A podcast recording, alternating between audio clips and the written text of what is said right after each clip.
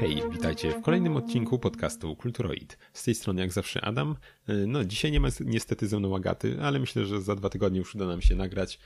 No niestety taka sytuacja jest, a nie inna, więc nie mieliśmy za bardzo, nie było za bardzo sprzyjających okoliczności do nagrania. Zresztą ja też nagrywam, jak widzicie, być może trochę później. Odcinek się niestety nie ukazał, nie ukaże, nie ukazał w niedzielę. Mam nadzieję, że się okaże dzisiaj, kiedy go nagrywam, czyli w poniedziałek.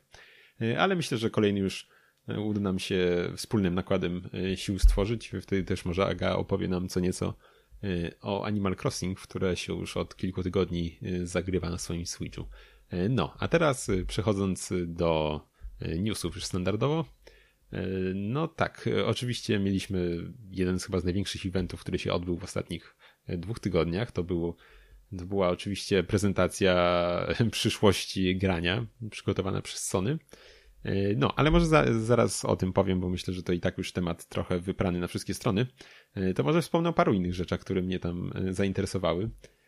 Jedna, jedną z nich jest ukazanie się miniaturowej wersji Segi Game Gear o nazwie Game Gear Micro. Niestety, jak na razie nie wiadomo, czy to w ogóle ukaże się w Europie czy w Ameryce. No gdzieś generalnie poza Japonią. Na razie jest to produkt ściśle na Japonię i jest, konsola ta będzie w cenie 50 dolarów. Z tego co dowiedzieliśmy się, będą cztery wersje kolorystyczne: czarna, niebieska, żółta i czerwona. I każda z nich będzie miała kompletnie inny zestaw gier. A każda z, każda z konsolek będzie posiadać tych gier sztuk 4. Więc nie jest to szczerze mówiąc jakaś oszałamiająca ilość.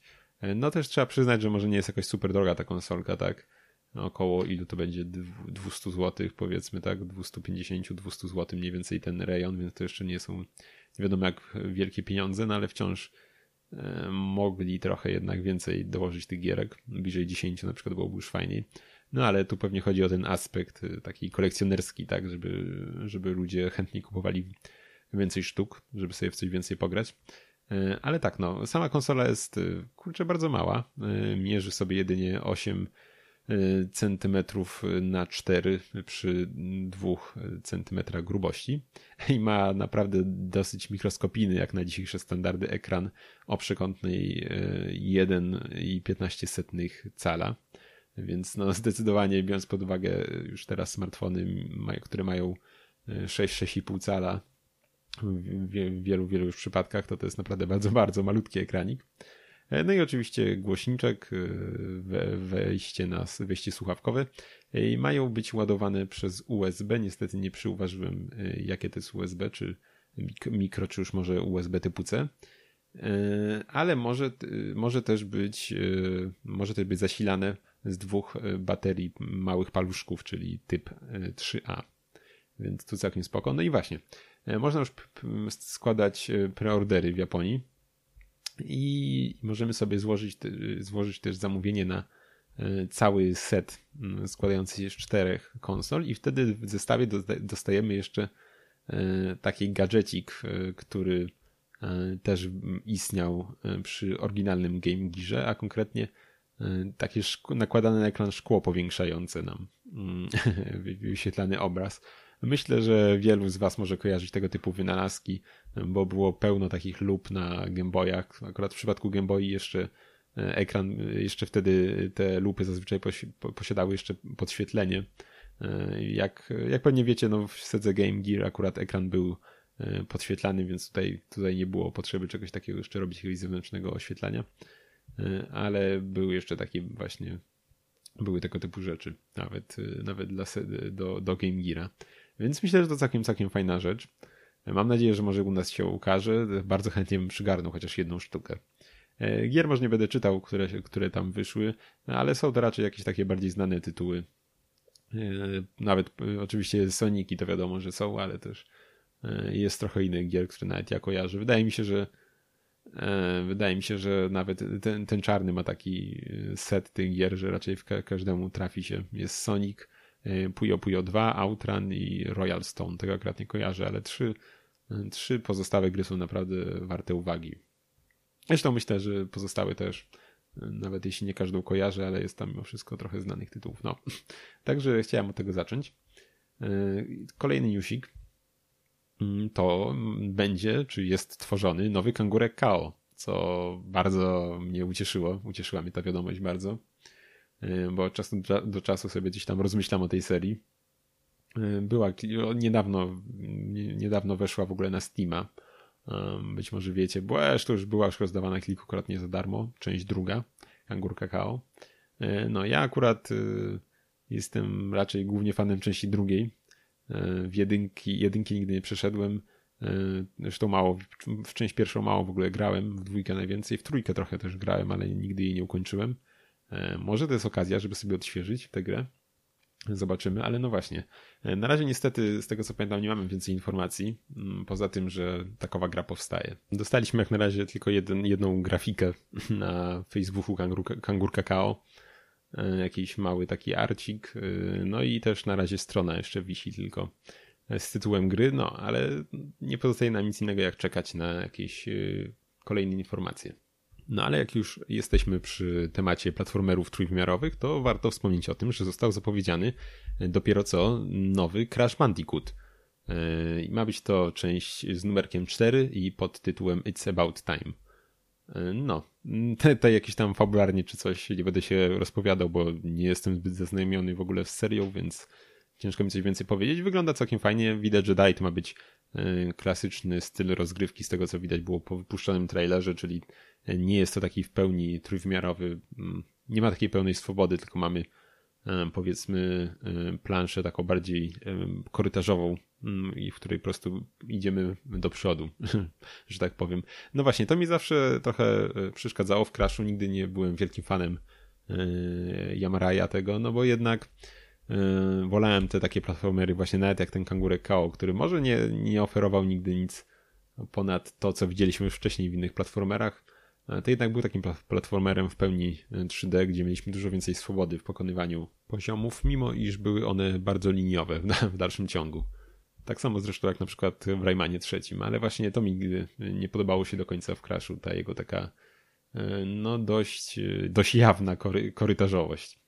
Y, no, w ostatnim czasie już wyszedł też y, The Last of Us, który zebrał całkiem fajne oceny, y, zarówno od ludzi, jak i od recenzentów, chociaż widziałem, że od ludzi ostatnio jakiś tam pojawił się review bombing na jakichś metakrytykach i tak dalej.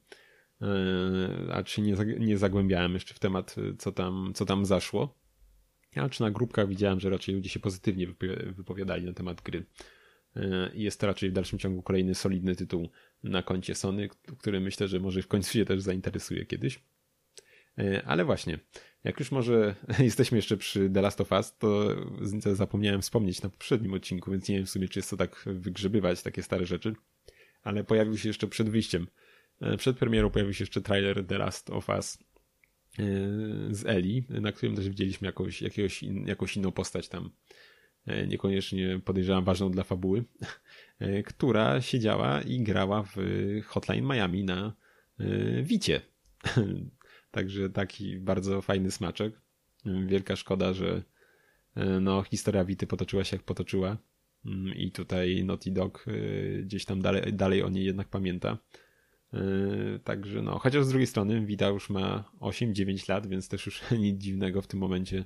W tym momencie dalej wychodzą na nią jakieś gry. Co prawda, oczywiście są to raczej mniejsze tytuły od niezależnych twórców, ale dalej wychodzą, dalej się nawet ukazują w pudełkach, więc dalej gdzieś tam ta konsola żyje, mimo już dosyć zaawansowanego wieku, jakby nie patrzeć w tym momencie.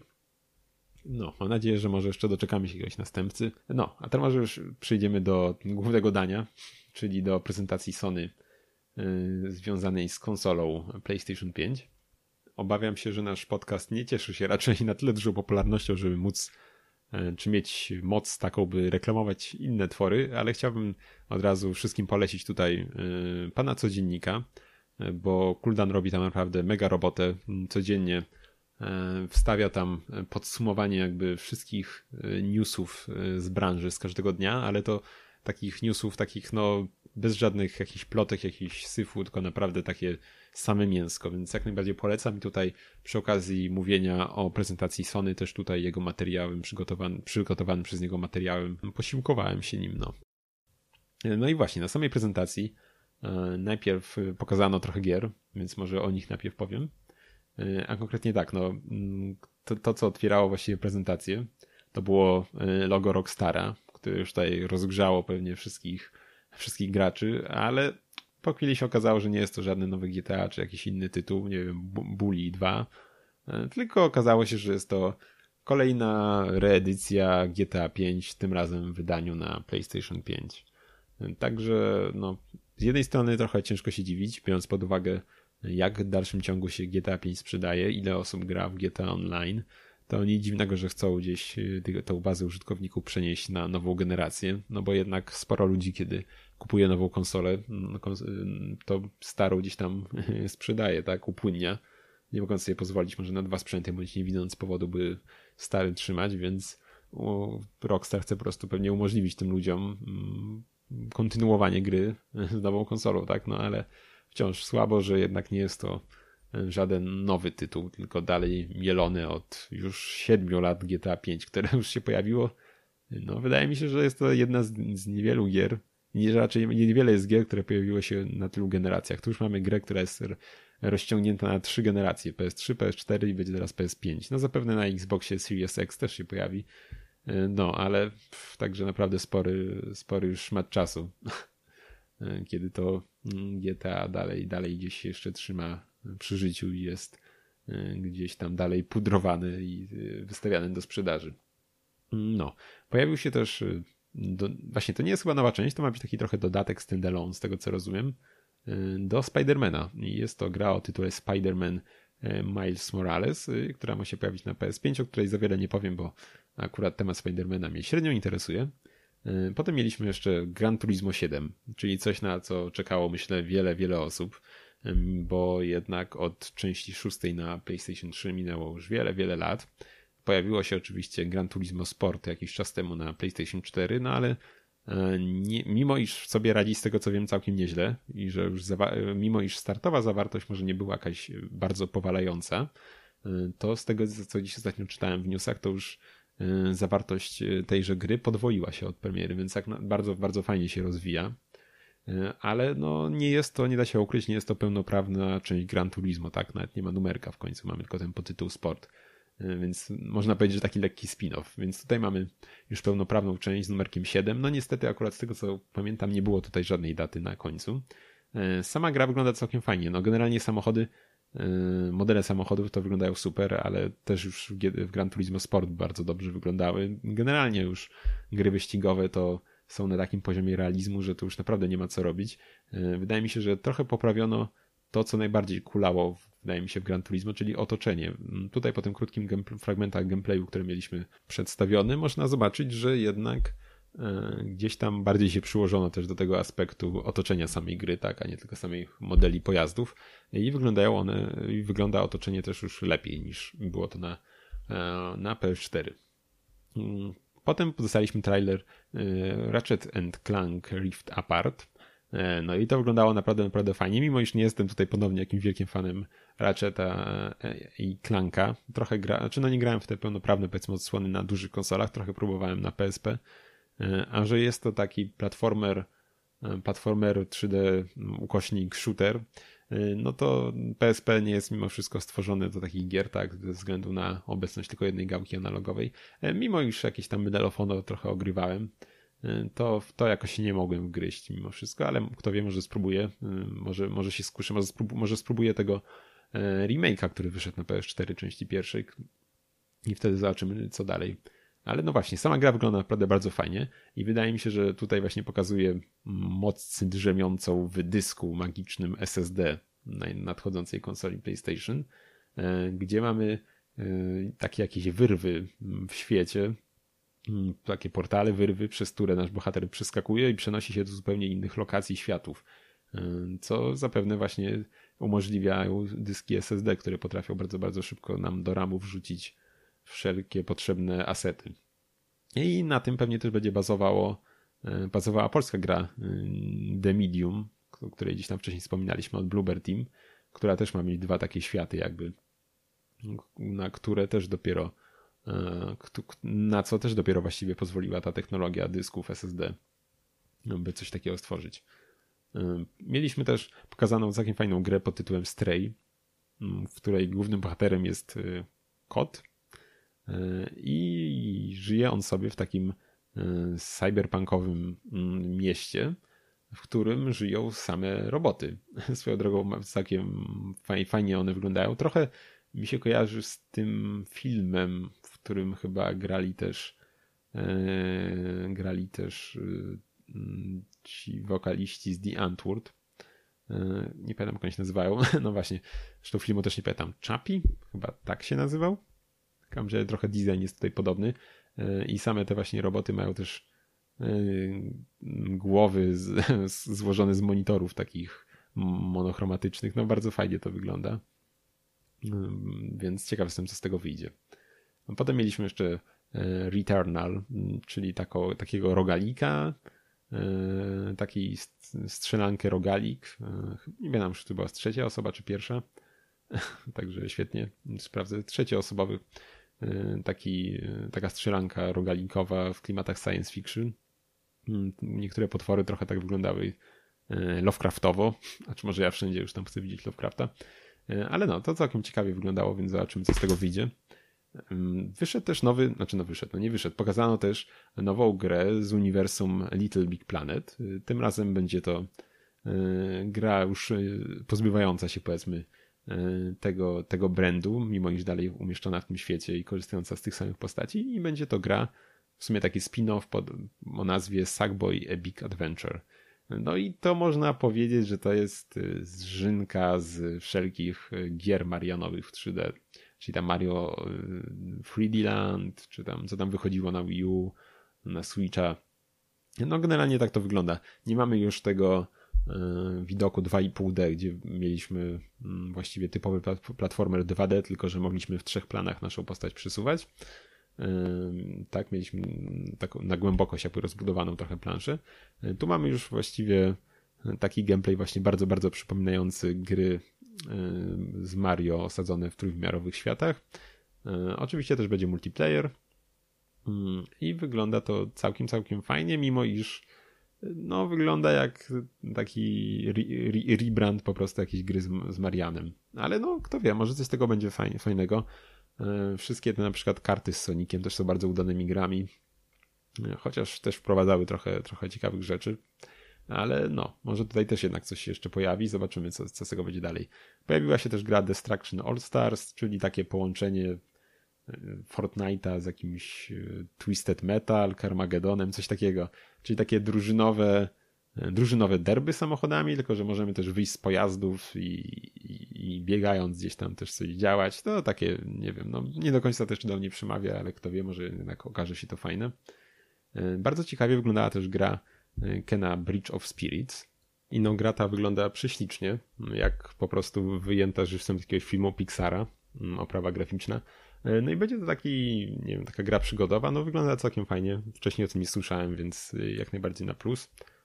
E, potem mieliśmy jeszcze jakiś tytuł pokroju Life is Strange z całkiem fajną oprawą graficzną, tylko z postaciami, które są dinozaurami, więc tak, no ale myślę, że może być coś ciekawego jeszcze z tego.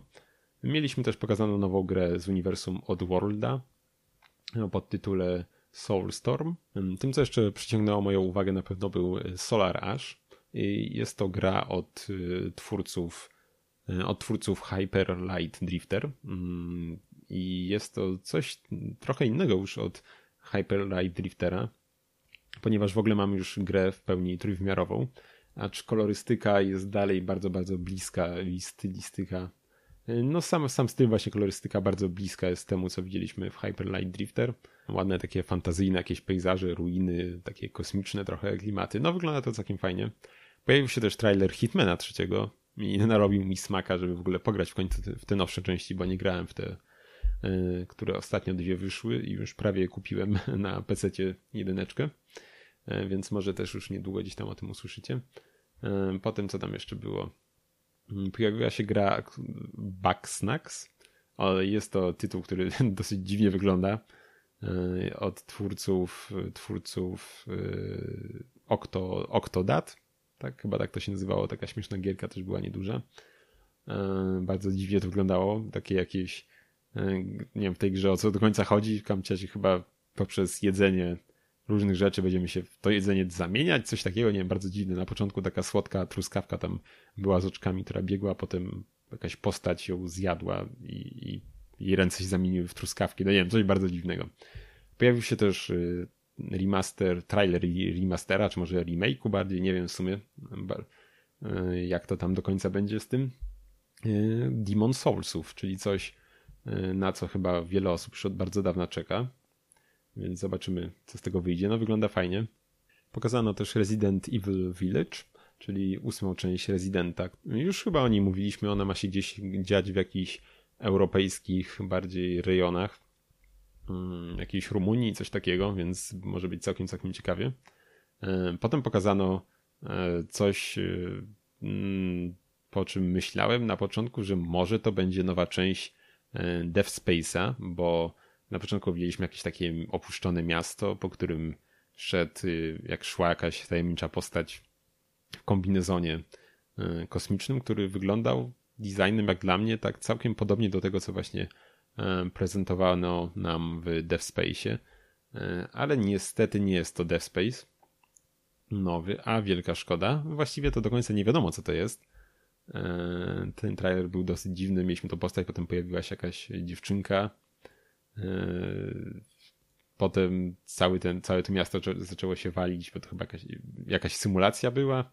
No nie wiem, no bardzo dziwnie to wyglądało. W kamciarze jestem ciekaw, co z tego wyniknie, ale to chyba też dopiero yy, w przyszłym albo nawet za dwa lata. No i na końcu pojawił się zwiastun nowej części Horizona o podtytule Forbidden West. Yy, no i w sumie nie wiem, co mam o tym powiedzieć, bo, bo to był raczej taki cinematic, więc ciężko, ciężko cokolwiek powiedzieć. W związku z tym. No, a na sam koniec pokazano nam konsolę PlayStation 5. A właściwie dwie konsole, jak pewnie wiecie, ponieważ y, PlayStation 5 będzie występować w dwóch wariantach. Jeden będzie z napędem optycznym, a drugi będzie bez. Czysto cyfrowa konsola. No i tak, no, wygląd jest dosyć, dosyć dyskusyjny, bym powiedział. Na pewno nie jest. Y, no, wydaje mi się, że ten design y, Xboxa Series X mimo, mimo tej w sumie jak na prostopadłości całkiem ciekawej, jeśli chodzi o konsolę wydłużonej bryły, to jednak był dosyć bezpieczny. E, a Sony tutaj znowu zrobiło coś innego od takich typowych, powiedzmy, nie wiem czy konsolowych, ale generalnie typowych dla takiego sprzętu kształtów. E, tak jak mieliśmy przy PlayStation 3 chlebaka, to tutaj mamy, w sumie nie do końca wiem co, taki bardziej organiczny kształt. W ogóle cała konsola wygląda trochę jakby była żywcem wyjęta ze świata z gry z Detroit. Become Human. No tak to mi się kojarzy też. E, no i tak, sama konsola też będzie ogromna. Już pojawiły się w internecie porównania, w których wyskalowano ją na podstawie e, na podstawie USB, które się z przodu w niej znajduje oraz stacji dysków. E, no i właśnie, sama konsola względem PlayStation standardowego jest wyższa, tak? O dobrą jedną trzecią albo i nawet połowę PS4, więc to naprawdę kolos. E, jest też całkiem, całkiem szeroka, e, więc ciekaw jestem, czym jest to podyktowane. Myślę, że w sporej części jest to spowodowane chłodzeniem, bo nic na ten temat też Sony nie mówiło, nie chwaliło się rozwiązaniami zaimplementowanymi, jeśli o to chodzi. W Xboxie wiemy, że cały ten design był podyktowany właśnie tym, by konsola sprawnie sobie radziła z chłodzeniem swoich wnętrzności. Więc podejrzewam, że te rozmiary mogą być właśnie spowodowane tym, żeby konsola miała, miała sobie dużo powietrza, była w stanie jakoś dobrze przydmuchać wszystkie komponenty. I tak, no. Też y, wydaje mi się w ogóle, że może Sony na ostatnią chwilę też zrobiło tą wersję z napędem, bo ten napęd wydaje się tak dosyć doklejony na siłę, bym powiedział, tak w ostatniej chwili. Wersja bez napędu wygląda bardzo ładnie, tak symetrycznie, a ten napęd, taki garb dołożony z boku konsoli, no wygląda to właśnie tak, jakby nie do końca było przemyślane, przynajmniej w mojej opinii. Będzie miała też LEDy niebieskie podświetlane, znaczy całkiem ładnie to wygląda, tak? PS4 też ma ten swój pasek, więc akurat myślę, że tutaj e, nic w tym złego nie ma. Pokazano też oczywiście e, całą linię tam akcesoriów, e, pilot, pady to już widzieliśmy, e, słuchawki, kamerę, wszystkie gdzieś tam współgrające w tej, w tej stylistyce. ale też się pojawiły jakieś plotki, wydaje mi się, że dalej niepotwierdzone, że mają być te panele białe po bokach konsoli wymienne i mają być w różnych kolorach. Więc jeśli to okaże się prawdą, no to super. Tak samo jak mieliśmy w Xboxie 360 te faceplate wymienne i w PS4 też e, w tym facie e, ta klapka, pod którą jest dysk twardy jest wymienna i można było kupić w innych wersjach kolorystycznych. Znaczy no to nie, niewiele dalej, tak? E, taki kawałeczek, ale gdzieś tam mogliśmy w jakiś nawet taki drobny sposób spersonalizować sobie naszą konsolę. I no, i tutaj rozwiąże też problem mm, ludzi, którym się nie podoba mm, kolorystyka mm, białego z czarnym, więc będzie można sobie może kupić e, całe czarne panele i je wymienić, czy, czy coś takiego. No. Ale mi się wydaje, że design jest całkiem fajny mimo wszystko.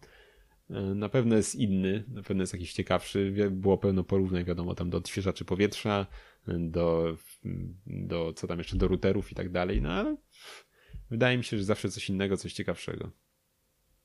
No, także to chyba byłoby na tyle z newsów, jeśli sobie jeszcze sobie zerknę w rozpiskę, żeby potem znowu nie, nie płakać, że coś pominąłem. Ale chyba tak, chyba to już będzie wszystko. A nie, jeszcze jednak coś się znalazło. E, była, były jakieś prezentacje od EA e, i elektronicy pokazali nową grę mm, w uniwersum Star Wars.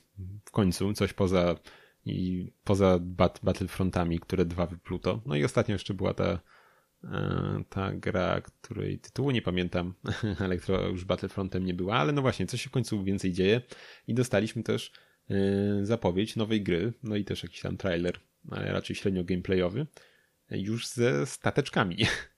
Nosi on tytuł Squadrons, no i właśnie, będziemy sobie w nich latać stateczkami. E, ma być też tryb w wirtualnej rzeczywistości, więc to musi, to będzie naprawdę fajny, podejrzewam, w ten sposób sobie pograć.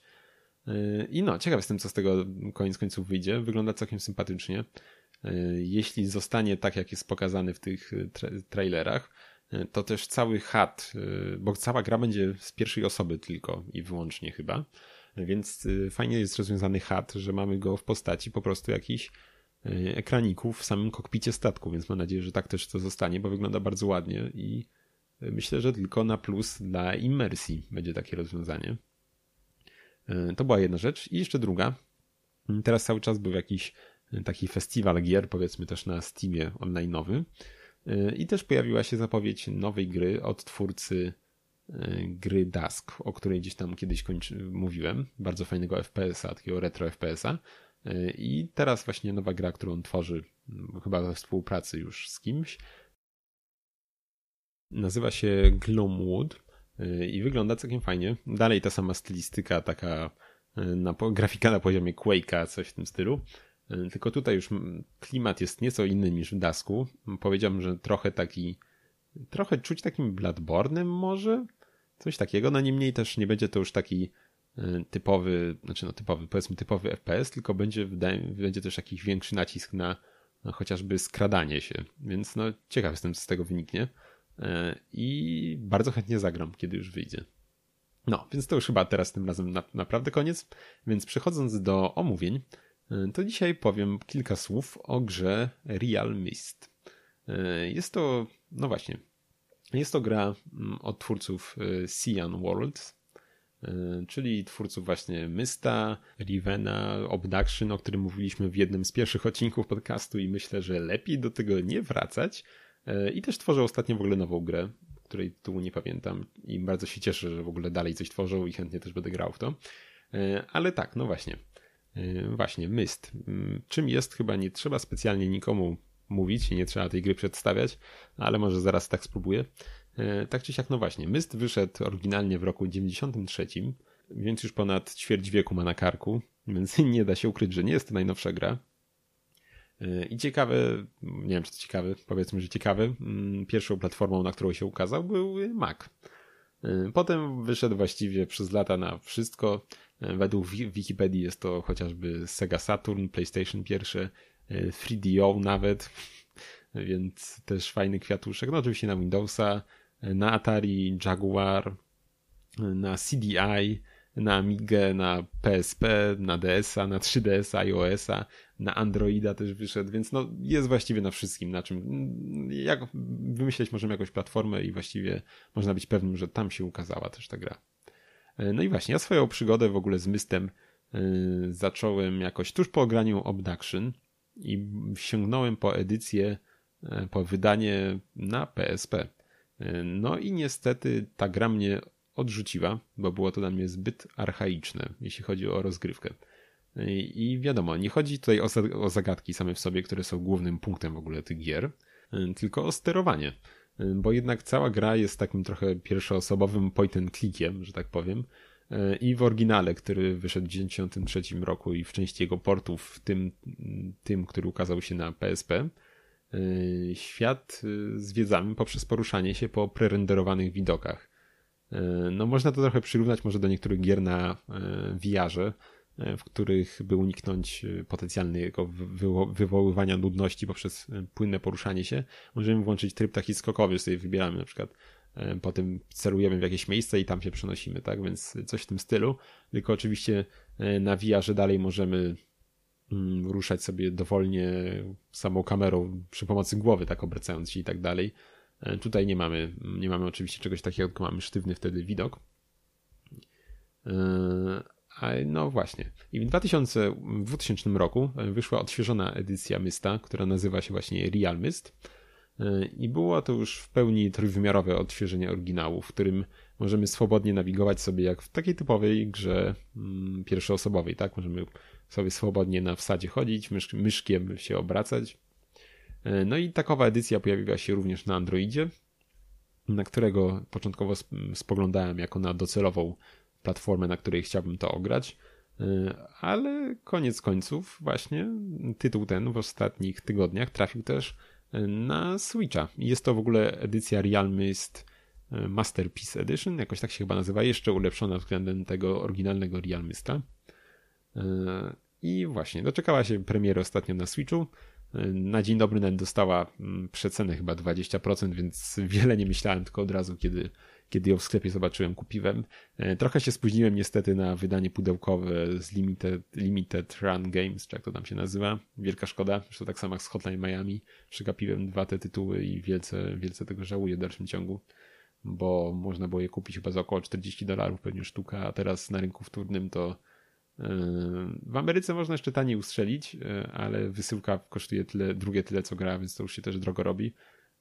A no, u nas w Europie z Anglii czy skądś jak chcesz ściągać, to tak 70-80 funtów, więc to niestety też już nie są małe pieniądze jak za jedno pudełeczko. E, ale no, może kiedyś jeszcze uda mi się ustrzelić, zobaczymy. A wracając do samego Real Mista, mm, to właśnie, no, jeśli ktoś w ogóle nie kojarzy, co to jest, no to Myst to jest taka przygodowa gra logiczna, w której E, eksplorując świat gry, rozwiązujemy napotkane zagadki logiczne. E, w tym przypadku Mysta jest to e, kilka różnorodnych całkiem takich wysp światów, pomiędzy którymi możemy się przemieszczać przy pomocy odnalezionych książek. No i właśnie w ogóle same książki są gdzieś tam takim powiedzmy ważniejszym motywem w grze, bo też główna postać, którą sterujemy, a która chyba nie ma imienia, z tego co pamiętam, trafia do świata Mysta właśnie przeniesiona poprzez książkę. I więc właśnie, no, książki są gdzieś na takim centralnym, powiedzmy, punktem gry. Na głównej wyspie, czyli Mist Island, odnajdujemy też bibliotekę, w której znajduje się książka, dwie książki znajdują się, niebieska i czerwona, w której jak się okazuje, są uwięzieni e, ludzie. E, dwaj panowie, po, jednym w każdej książce. Mm, I by ich uwolnić, musimy odnaleźć porzucane po mm, różnych tych światach brakujące strony z tych książek. Z czasem, kiedy przynosimy kolejne strony, to oni nam coraz więcej mówią. I właśnie to jest w ogóle zrealizowane tak, że to są takie nagrania wideo dosyć E, powiedzmy takiej specjalnie miernej jakości zrealizowane. Co chwilę coś tam szumi, ten obraz jest tak przerywany. To oglądamy oczywiście w okienku w książce. E, w tych książkach są takie powiedzmy okna na te światy i tam właśnie obserwujemy tych dwóch jegomości. I obaj zresztą nie, nie, nie połają nawzajem do siebie sympatią i każdy na drugiego coś tam mówi, żebyśmy go nie uwalniali i tak dalej. E, I no, tak to właśnie wygląda. Trochę czasem mam trudność zrozumieć, co oni tam mówią, bo ten dźwięk jest dosyć mocno nieraz zniekształcony, zaszumiony i to mi trochę sprawiało czasem trudność, żeby zrozumieć, mm, co, co któraś z tych e, postaci do nas mówi. E, swoją drogą ten motyw takich właśnie nagrań postaci został już w grach Cyan Worlds na stałe, wydaje mi się. W przypadku Abduction, czyli ich ostatniej gry, też się coś takiego pojawia bo jest na przykład postać właśnie NPC mm, w tym świecie, tylko nie jest ona modelem stworzonym, tylko jest takim sprite'em nagraniem dwuwymiarowym. Właśnie coś tak to jest rozwiązane też, jak i tutaj. Całkiem, całkiem ciekawy. Coś innego nie da się ukryć. E, więc tak, no i właśnie. E, no i przy, przy, przymierzamy te różne światy, zbierając te strony i tam dowiadując się coraz, coraz więcej o świecie gry. Są też y, dwa typy sterowania. Pierwszy jest korzystający z dobrodziejstw y, grafiki 3D i w ogóle tego, że cały świat jest trójwymiarowy i pozwala nam się swobodnie y, poruszać i, i sterować kamerą. I, I, co jest fajne, to kiedy rozwiązujemy jakąś zagadkę, to kamera zbliża się do niej i wtedy mm, sterujemy samym jakby kursorem po mapie przy pomocy analogu, analoga, a nie całym widokiem. E, drugi tryb to jest taki tryb klasyczny, w którym mamy e, widoki, w których kamera sama nam się ustawia tak, jak e, było to w pierwotnym myście, czyli symuluje nam jakby prerenderowany świat, z którym mieliśmy do czynienia w oryginalnym myście. Jest to całkiem, całkiem ciekawe, czy oczywiście według mnie jest dużo lepiej grać po prostu w tym trybie, mm, który korzysta z, z tego, że, nas, że ten świat jest już w pełni trójwymiarowy, bo jest dużo wygodniej, ale przydaje nam się ten tryb, kiedy jednak podchodzimy do jakiegoś na przykład pulpitu, w którym jest dużo małych guziczków i trzeba sporo wyklikać, e, to wtedy płynnie można z jednego trybu w drugi przejść. Kiedy dotkniemy e, ekranu, e, to wtedy nam się włącza automatycznie tryb sterowania, właśnie ten tryb mm, klasyczny powiedzmy. I wtedy też nie musimy sterować analogiem za pomocą, nie musimy ruszać kursorem przy pomocy analoga, żeby tam klikać te przyciski, tylko możemy normalnie palcem je klikać, co jest dużo szybsze, wygodniejsze i dużo bardziej intuicyjne. Więc to jest jak najbardziej na plus. No i wtedy jak ruszymy analogiem, to od razu nam przechodzi z powrotem na y, tryb ten y, nowoczesny, że tak powiem.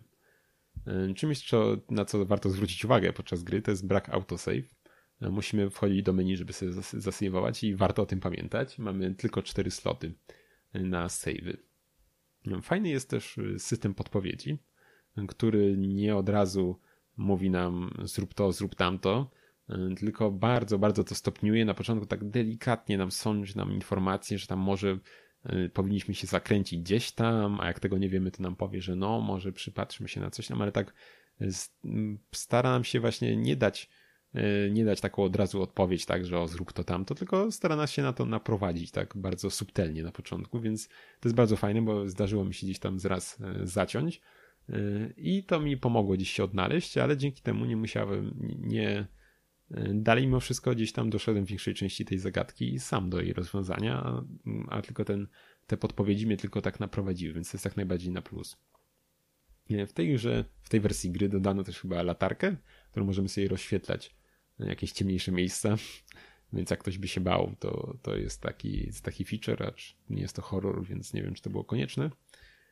Nie wiem też, ile może zacząć, zająć czasu sama gra, bo na niektórych zagadkach ja się też trochę zaciąłem na dłużej, na innych krócej, więc to też podejrzewam, że może być dosyć indywidualna kwestia czas przejścia tej gry.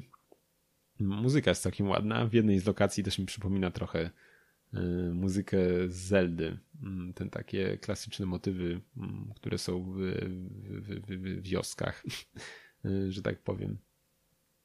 E, ale tak, no, sama w sobie gra niestety nie działa za dobrze na Switchu.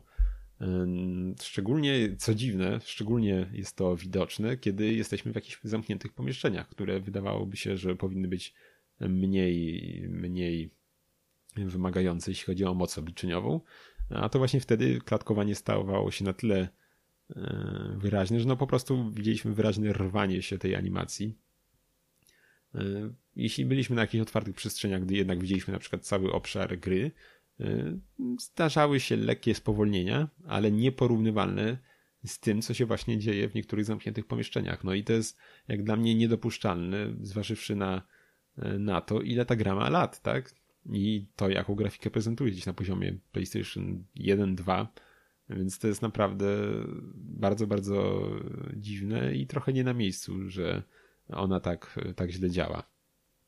Acz całe szczęście to też nie przeszkadza mimo wszystko w odbiorze gry, no bo jednak jest to gra logiczna, gdzieś tam czas nas nie popędza raczej w niej, więc całe szczęście nie, nie, nie przeszkadza to w samej sobie rozgrywce, ale no myślę, że warto to odnotować, szczególnie biorąc pod uwagę jak ta gra wygląda. E, tym, co jeszcze mm, mi się tak rzuciło w oczy, że jest sporo takich dosyć dziwnych, takich niepokojących, mrocznych motywów, e, które pojawiają się w niektórych miejscach na planszach. Na przykład, nie wiem, w jednym miejscu było, była lampka, która wyglądała jak zrobiona z ludzkich żeber, czy no, tego typu motywy się pojawiają, więc no nie spodziewałem się czegoś takiego i było to dosyć niepokojące. Nie, może nie straszne, ale budziło niepokój, tak jak niektóre właśnie fragmenty lokacji.